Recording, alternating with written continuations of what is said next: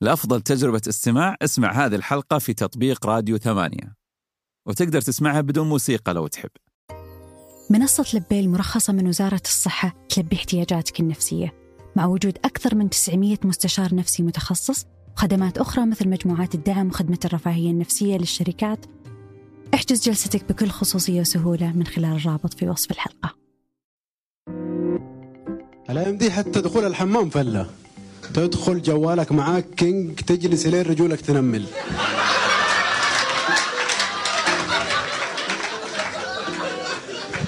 دحين تقدر تقول دخول الحمام مو زي خروجه. تدخل عادي تطلع عرج بيقول لك مرة قنبلة انفجرت في كنتاكي في فراخ ناجتس وفراخ ما ناجتس.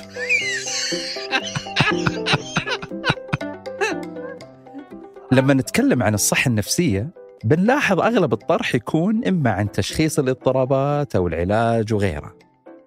إلا نادرة فقط من العلماء تناولوا موضوع الضحك مع أنه تجربة بشرية قديمة ومشاعر تبدأ معنا من الأسابيع الأولى من حياتنا ونعيشها كل يوم.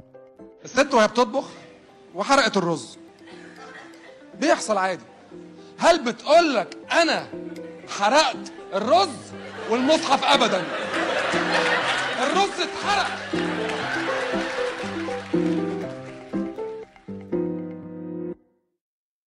ليش نضحك لما نشوف واحد يضحك أو حتى بس نسمع ضحكته؟ وهل الضحك أهم بكثير للمرأة أم للرجل؟ وقديش ممكن يساعدنا الضحك في علاقاتنا الشخصية؟ أنا محمد الحاجي وهذا بودكاست آدم من ثمانية لفهم أنفسنا وفهم الآخرين سعيا لحياة أفضل.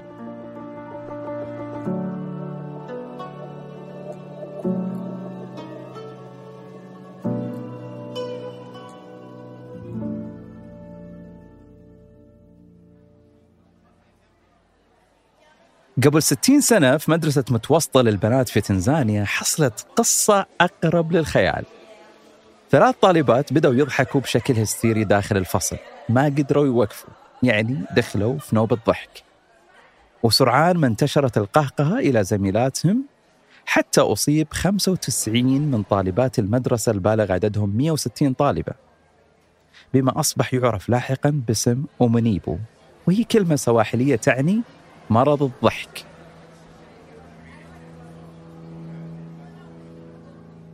استمرت نوبات الضحك وكانت تجي وتروح بشكل متكرر. والمدة تستغرق بضع دقائق إلى عدة ساعات. استمرت هذه النوبة لأيام وأسابيع حتى اضطرت الإدارة أصلا أنها تقفل المدرسة بشكل مؤقت. فرجعوا الطالبات إلى قراهم وانتشرت الحالة من شخص إلى آخر كأنها عدوى فيروسية. فانتشرت النوبات من مدرسة إلى مدرسة ومن قرية إلى قرية حيث أثر الضحك الذي لا يمكن السيطرة عليه على ما يقارب ألف شخص. وتسبب في الإغلاق المؤقت ل 14 مدرسة. وما تلاشت هذه الجائحة إلا بعد سنتين ونصف. أصبح الموضوع مثيرا للدراسة.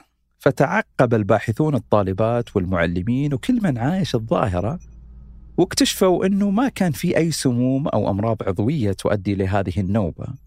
وما كان في أي شيء مضحك على الإطلاق أصلا في المدرسة. ولكن عرف عن المدرسة الداخلية الدينية هذه أن فيها قواعد صارمة. مساكن بدون نوافذ وكراسي غير مريحة واكتظاظ شديد وسوء جودة طعام يصف أحد الباحثين اللي درس هذه الحادثة وحوادث مشابهة أن اللي حصل هو مرض نفسي أو اجتماعي المنشأ بسبب الضغوطات في تلك البيئة وأن هذا الضحك كان تعبير عن الشكوى. حيث لم يكن لدى الطالبات شكلا بديلا للتعبير. الجدير بالذكر هنا أن أغلب المصابين كانوا بنات وأمهاتهم والقريبات من السيدات وقلة قليلة جدا فقط من الرجال والأولاد. من صغري دائما دكاترة الأسنان لما يجوا يخلعوا لي أسناني اللبنية يعني ينصدموا مني يقعدوا يضحكوا معايا وأقعد أنا أضحك بالألم. فزي كذا بالعادة بإنه كل ما حسيت بألم جسدي أو ألم جدا قوي فجأة أصير أضحك بدل ما أبكي أو أصارخ أو تلقاني قاعدة أضحك السؤال الأساسي اللي لازم نسأل الآن إحنا أصلا ليش نضحك؟ الإجابة قد تبدو بديهية وممكن تقول لأن في شيء يضحك نكتة أو موقف طريف حصل لكن المفاجأة أن فقط 20 موقف من كل 100 ضحكة تكون لأنه في شيء يضحك. ساعدني يا حليب السعودية. في الواقع أغلب ضحكنا يكون في مواقف اجتماعية وسوالف عادية. مثل لما أقول لك يا رجال وش موديك الحسا اليوم؟ غالبا بتتبعها بضحكة خفيفة. هذه الخلاصة جاءت نتيجة دراسات ميدانية معمقة لعالم الأعصاب والنفس الأمريكي روبرت بروفاين. اللي كان ينزل للمولات والمكاتب والشوارع ويراقب هو فريقه متى وكيف وليش الناس تضحك. عنتر بن شداد مثلا. كذاب. يعني يقول لك كان في معركة بعدين وقف بعدين قال شعر بعدين رجع كمل. لا إله إلا الله. إحنا نضحك كوسيلة لبناء وتوطيد العلاقات الاجتماعية.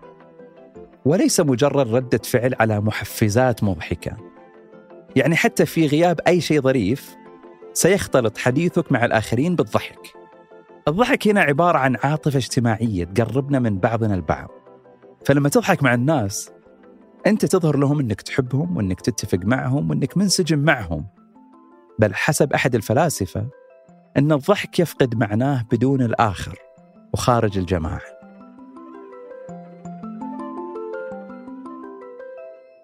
الضحك يعتبر مخزون لقيمنا وشخصياتنا. المحتوى اللي يضحك وحس النكتة يعكس المقبول وغير المقبول في المجتمع. الكذا كان في تصريح مؤخرا الممثله Friends الشهيرة جينيفر انستون تقول فيه إن السلسلة اللي حققت نجاحات هائلة في التسعينات ليست مقبولة للعرض الآن بسبب التغير القيمي اللي حصل في أمريكا بالذات فيما يخص الهويات الجندرية والنشاط النسوي. نفس التصريح تماما أبداه ممثل The Office ستيف كارل لما سألوه هل تؤيد إعادة عرض المسلسل الكوميدي اللي انتهى في 2013 قال ما نقدر نعيده الآن. ومحليا تقدر تشوف طاش ما طاش مثلا في الماضي كان رهيب وضحكنا لكن لو نرجع نشاهد هذه الحلقات اليوم غالبا بنشوفها باهتة واحيانا مسيئة وذلك بسبب التغير الثقافي وحس الفكاهة معنا. اسمع اسمع خلي خلي يقول اسم أمه وإذا قال نعلمنا اسم أمه نعلمه اسم أمه. نلعب عليه اي آه آه عفوا. وش اسم أمك؟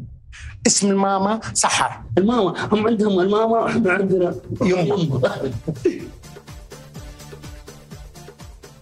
نشوف هنا أن الضحك يعتبر ميزان للتوجهات والقيم ويعتبر كذلك قوة ضبط اجتماعية عشان كذا إحنا نستخدم أسلوب السخرية والطقطقة على الخارجين عن الأعراف الاجتماعية. نحاول نأدبهم ونردع الآخرين بهذه السخرية.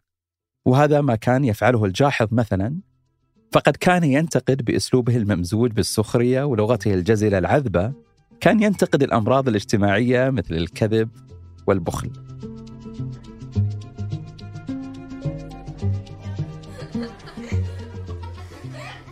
ومثل اللي حصل بين الطالبات في المدرسة لما دخلوا في نوبة ضحك الضحك ممكن يستخدم كوسيلة دفاع للتنفيس عن الضغط والظروف الصعبة لأنها تعطي الفرد أداة للتعبير تشعره بقوته وإرادته في ظل ظروف مثل القمع والفقر.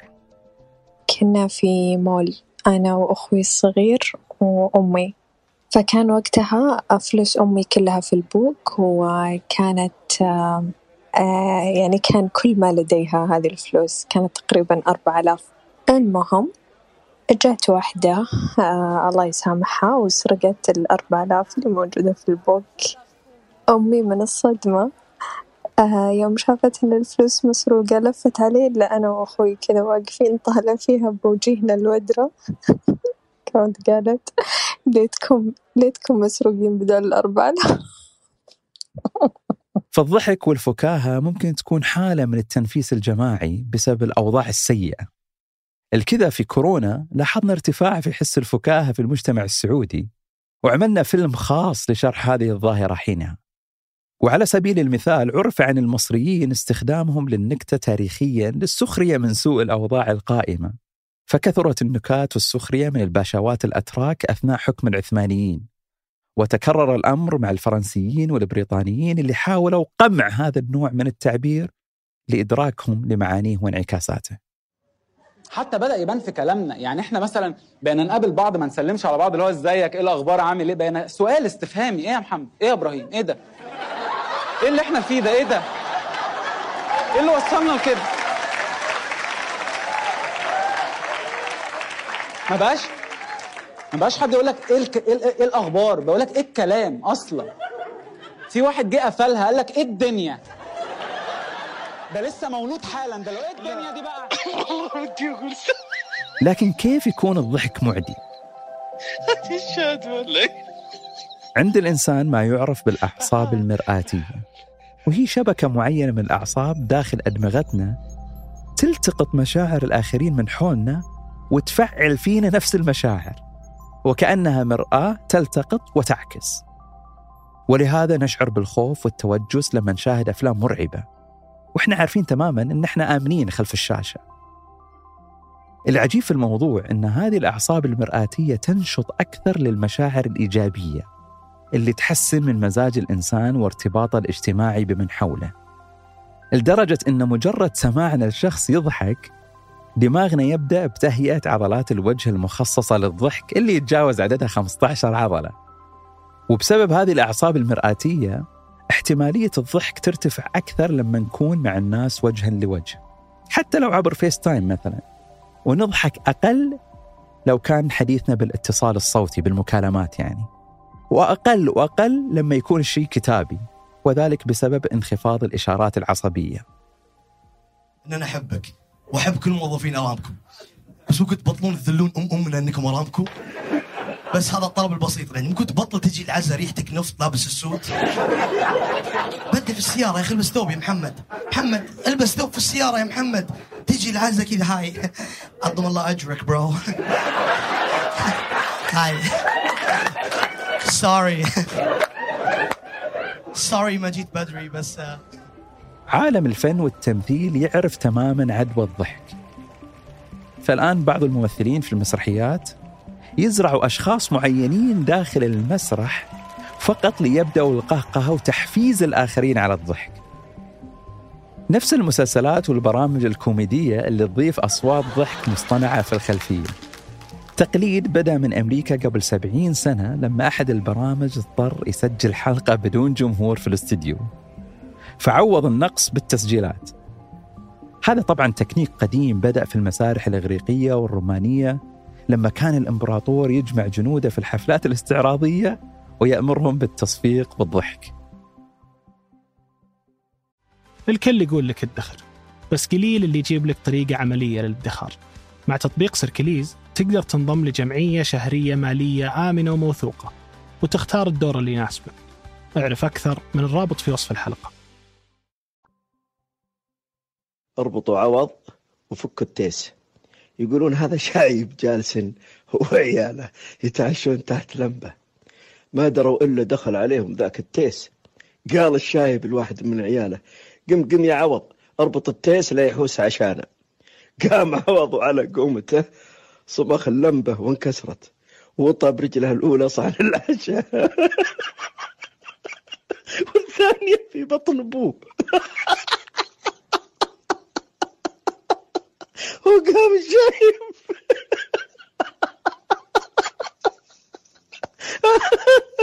قام الشايب يصيح أربطوا عوض وخلوا التاس السؤال هنا هل إحنا نضحك مع كل الناس بنفس الطريقة؟ يعني هل تضحك مع مديرك مثلا مثل ما تضحك مع الشباب في الاستراحة؟ هل إحنا نضحك للموقف وللنكتة أو اللي قالها؟ الجواب معروف. ضحكنا يختلف حسب علاقتنا مع الطرف الآخر. وإحنا نضحك مو للنكتة بالضرورة بل لأجل اللي قال النكتة. بل حتى طريقة الضحكة تختلف اجتماعيا حسب منصب ومكانة الشخص.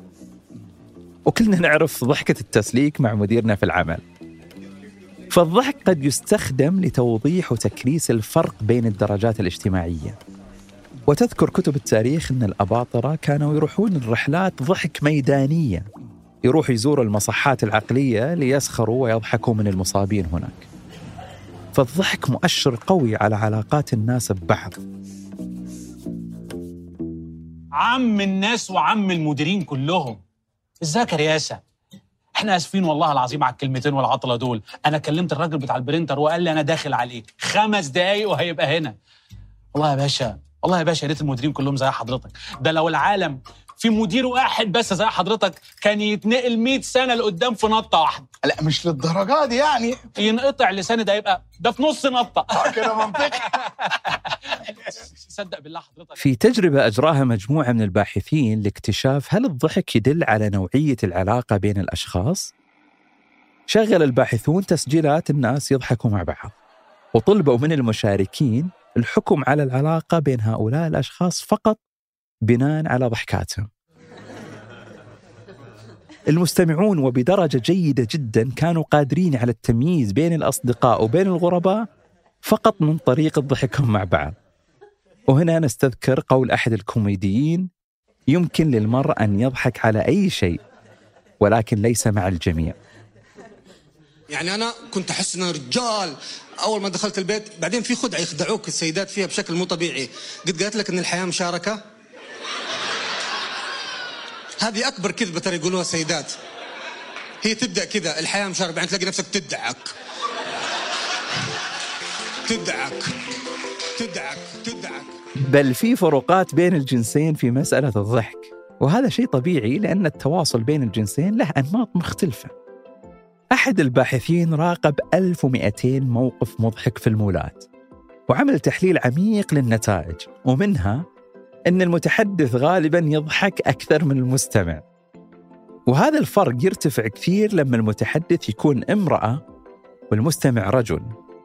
يعني أن المرأة كانت أكثر قابلية للضحك مقارنة بالرجل.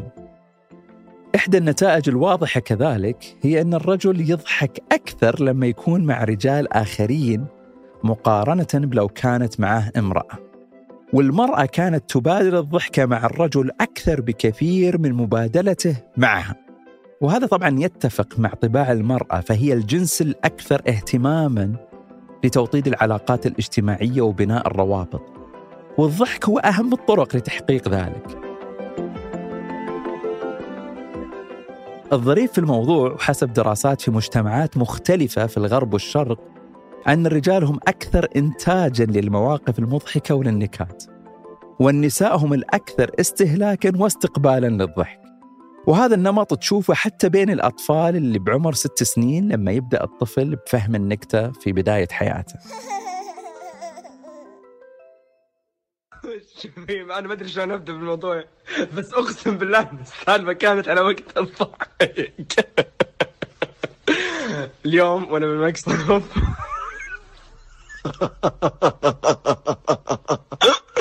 اليوم أنا بالمكتب عندي بعون عندنا وافل زين اطبخ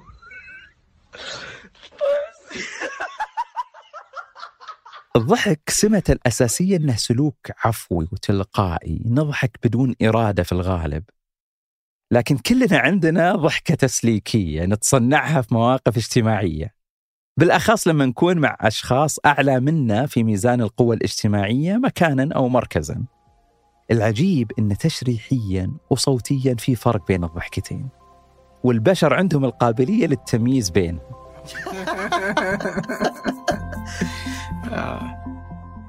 يعني لو تسمع تسجيلات الضحكات مختلفة بتقدر بسهولة تميز الضحكة الحقيقية من الضحكة التسليكية أو الاجتماعية كما توصف في الأدبيات العلمية. لأن أصلا دماغنا يعالج الضحكتين في مناطق مختلفة عن بعض.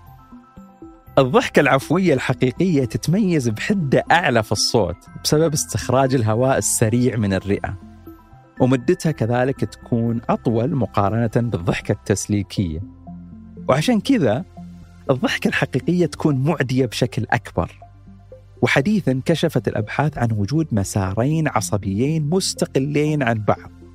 الضحكة الحقيقية تنشأ في لوزة الدماغ وهي مركز المشاعر في دماغ الإنسان. عشان كذا الضحك الحقيقي يعتبر عاطفة أصيلة تربط الإنسان بالآخرين. بينما الضحكة التسليكية المدروسة تنشأ في الفص الجبهي للدماغ وهو المكان المسؤول عن التفكير المنطقي والتخطيط. وهذا واضح. فإحنا لما نضحك بشكل تسليكي نكون مخططين لها بشكل جيد. فتحتاج تفكير متى وكيف أضحك؟ ولأن أنواع الضحك تعتمد على مسارات عصبية مختلفة لو لا سمح الله حصلت لك إصابة في مراكز الدماغ المذكورة ممكن تقدر فقط تضحك بشكل حقيقي وممكن تتعطل عندك القدرة على الضحك التسليكي. والعكس صحيح. يعني الحين أنت بتروح من الدوام وقايم من النوم قايم. تقوم منفس ليش؟ يعني أنت يعني مفاجئك الموضوع يعني ما داومت الأسبوع اللي راح أو في أحد جنب مداوم أنت وبتداوم إن شاء الله. يعني أنت تقوم عشاني؟ لا تقوم عشان تاخذ راتب. تقوم ومصفطن وجهك كنا كنا فاتورة حوض سمك ليه؟ اللي معك في الدايري هل هم بيروحوا البوليفارد وأنت بتروح الدوام لحالك؟ لا كلهم بيروحوا الدوام بس كيف نصنع نكتة كويسة؟ وش اللي يميز المواقف الكوميدية عن غيرها؟ لو تسأل أغلب الكوميديين اليوم حول العالم عن صناعة النكتة يقول لك فيها عنصرين ثابتين باختلاف الثقافات إن النكتة الناجحة عادة فيها صدمة شيء غير متوقع. تويست وكذلك يكون محتواها ما يسبب أذى للمتلقي. هذه النظرية اسمها Benign Violation Theory. هذه العناصر بالضبط طرحها الفلاسفة سابقا مثل أرسطو وشوبنهاور وهي اللي يمارسها اليوم أغلب الكوميديين لصناعة النكتة. صحيح يختلف الحس الكوميدي حسب الثقافة المحلية لكن بشكل عام هذه العناصر الأساسية في أغلب المواقف المضحكة. زي ما تقول في في مجملها النكتة قائمة على فكرة المفارقة. دائما الإنسان يضحك على الشيء اللي فيه مفارقة. و... وفي نقطة ثانية يعني ك... قرأتها قبل فترة إنه الشعور اللي يجيك اللي يخليك تقول اي صح كذا هذا ممكن يدفعك للضحك. فالتقليد أحيانا ليش يضحك؟ لأنه بمجرد ما تشوف الشخص تقول إي والله صح هو كذا. أو موقف شفته ففي ذاكرتك تقول إي صح والله إحنا كذا. أو صح أنا كنت أسوي كذا. هذه هذه لحظة الاي صح ممكن تخلي مفتاح الضحكة عندك. لكن اللي اللي يخليها حلوة مو حلوة هي حسب استقبال الشخص لها يعني في المجمل. وإن كان الضحك في أساسه أداة للترابط الاجتماعي مثل ما ذكرنا. من الممكن كذلك أنه يكون سلاح للتنمر والعنصرية والسخرية؟ بل أن هناك شخصيات لديها مستويات عالية من الشماتة أو ما يعرف بكاتاكيلاتسزم وهي النزعة النفسية للاستمتاع بالضحك على الآخرين والسخرية منهم بقصد إحراجهم وإلحاق الأذى بهم بدون أي من مشاعر الذنب والندم. وما نتكلم هنا عن السايكوباثيين لا. هذا تشخيص مستقل بذاته ويتعلق بالضحك تحديدا. على الطرف الآخر هناك مصطلح علمي لمن لديهم خوف شديد من أنهم يكونوا ضحايا للضحك والطقطقة. جلاتوفوبس. هؤلاء يعانون من حساسية مفرطة وأوهام متضخمة. بمعنى لو أحدهم مر في الشارع وانتبه لك أنك تبتسم أو تضحك يعتقد أنها سخرية تجاهه وممكن يعتدي عليك. هي الحبيب ثلاث سلامات يا أبوي. كأنه مو عاجبينك ولا ما لا ما أدري أحس الصوت صوتك من كذلك تلاقيهم ينسحبوا بسرعة من أي موقف يعتقدون أن في طقطقة وضحك عليهم ولو كان من أقرب الناس لهم. ذكر الجاحظ في كتابه البخلاء تعليق ذكي على الآية الكريمة في سورة النجم وأنه هو أضحك وأبكى وأنه هو أمات وأحيا. عندما أشار إلى أن الله سبحانه وتعالى وضع الضحك بحذاء الحياة ووضع البكاء بحذاء الموت. إن هذا التحديد اللماح الذي جعل الحياة معادلة للضحك هو الذي جعل التراث الإسلامي مشجعا على الضحك والفكاهة والمزاح. فسيرة نبينا الكريم وصحابته الأبرار وتراثنا العربي تفيض بالقصص المبهجة. اللي تخلينا نفهم كيف أن الضحك والترفيه عن النفس هو جزء أساسي من حياتنا وحضارتنا. فوفقا لأنيس فريحة الباحث المتخصص باللغات السامية ومؤلف كتاب الفكاهة عند العرب فإن لفظ فاكهة وفكاهة لهما نفس المصدر وهي كلمة فكهة. وهو مصطلح عربي قديم ورد ذكره تكرارا في القرآن الكريم بأشكال مختلفة. والمعنى الأصلي للفاكهة هو الحلاوة التي يتذوقها أبناء الصحراء. لذلك فإن الفكاهة للدماغ هي استعارة مجازية تشبه الحلاوة المحسوسة عند أكل الفاكهة.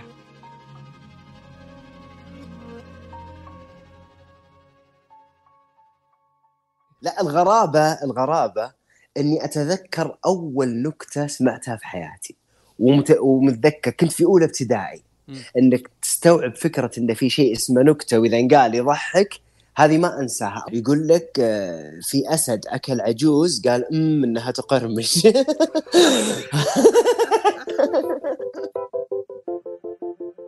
ما راح أسهب كثير في ذكر فوائد الضحك على صحة الإنسان جسديا وذهنيا وروحيا ولكن خلينا نذكر دراسة واحدة فقط تبين الأثر الطيب للفكاهة والمزح في العلاقات الشخصية. أحد الباحثين قام بتصوير مجموعة أزواج أثناء لقاءاتهم وطلعاتهم بإذنهم طبعا. ووجد علاقة طردية بين عدد الدقائق اللي كانوا يضحكون فيها مع بعض مع جودة علاقاتهم وقربهم. الأزواج اللي يتمازحون بالغالب يستمرون في علاقاتهم لمدة أطول ويقدروا يتغلبوا على المواقف المتوترة بشكل أسرع. لهذا هناك مسار في العلاج الأسري والنفسي باستخدام الفكاهة والضحك. فالضحك الحميد يذوب ركام الجليد بين الناس ويجمع القلوب على المحبة والأنس. أنا تربيت في بيئة جدا جدية يعني يقدسوا ال- الجدية والضحك قلة أدب ما نضحك إلا لو في سبب. آه ولما نضحك نضحك بهدوء وضحكات قصيرة. فكبرت آه أجد أن الضحك آه منقصة. تزوجت رجل جدا كوميدي وضحوك وياخذ المواقف بضحك ومزح. في بداية زواجنا كنت مرة أزعل إنه كيف كذا يتريق علي أو كيف كذا قصده إنه يستخف بما أقول أو مثلا آه كيف كذا يعامل المشكلة ليش هو ما هو جدي؟ ليش بيعامل مشاكلنا؟ أو مشاكل الحياة عموما باستخفاف. لكن وجدت أني مخطئة مع العشرة وأن الضحك هو أساس الحياة. يعني أحيانا حتى في الزعل إذا الشخص قريب منك جدا فأنا عندي عندي كذا concept أحب أسويه اللي هو خرب برستيج الزعلة. فتأثير الضحكه أصلا يفرق مرة كثير. أنا أعتقد إن الضحك مرتبط بفكرة الانبساط. فالإنسان يكون مبسوط بعد ما يضحك. لذلك أخي الكريم اضحكوا بارك الله فيكم اضحكوا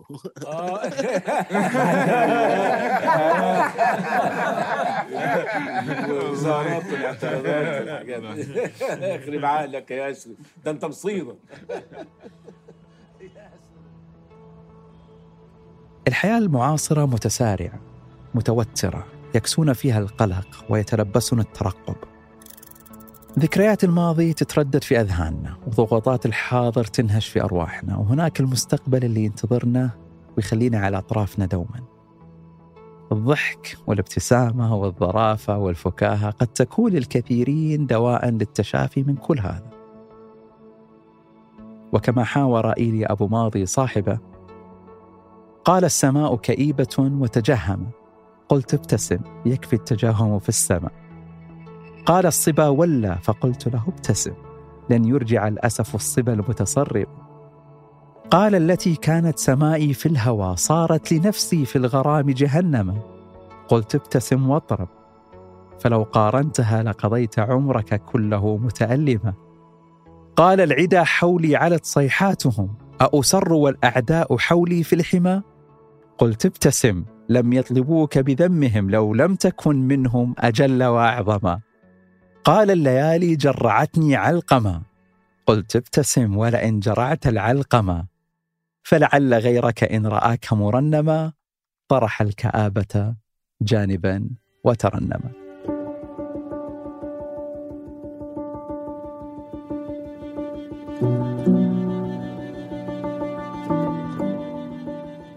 أنتج هذه الحلقة أنا محمد الحاجي وثمود بن محفوظ ومازن العتيبي. حررتها صوتيا لطيف العثمان وهندس تسجيلاتها محمد الحسن. صنع موسيقاها عيسى نجم وأشرف على إنتاجها سحر سليمان وأسيل باع عبد الله. شكرا لمن شاركونا تجاربهم ولو بالكم ملاحظات أو حابين تقترحون مواضيع للحلقات القادمة راسلونا على بريد البرنامج آدم الثمانية دوت كوم قرأت تعليقاتكم كلها فشكرا لكل من يشاركنا رأيه عن الحلقات في شبكات التواصل واللي يضع تقييمه في منصات البودكاست.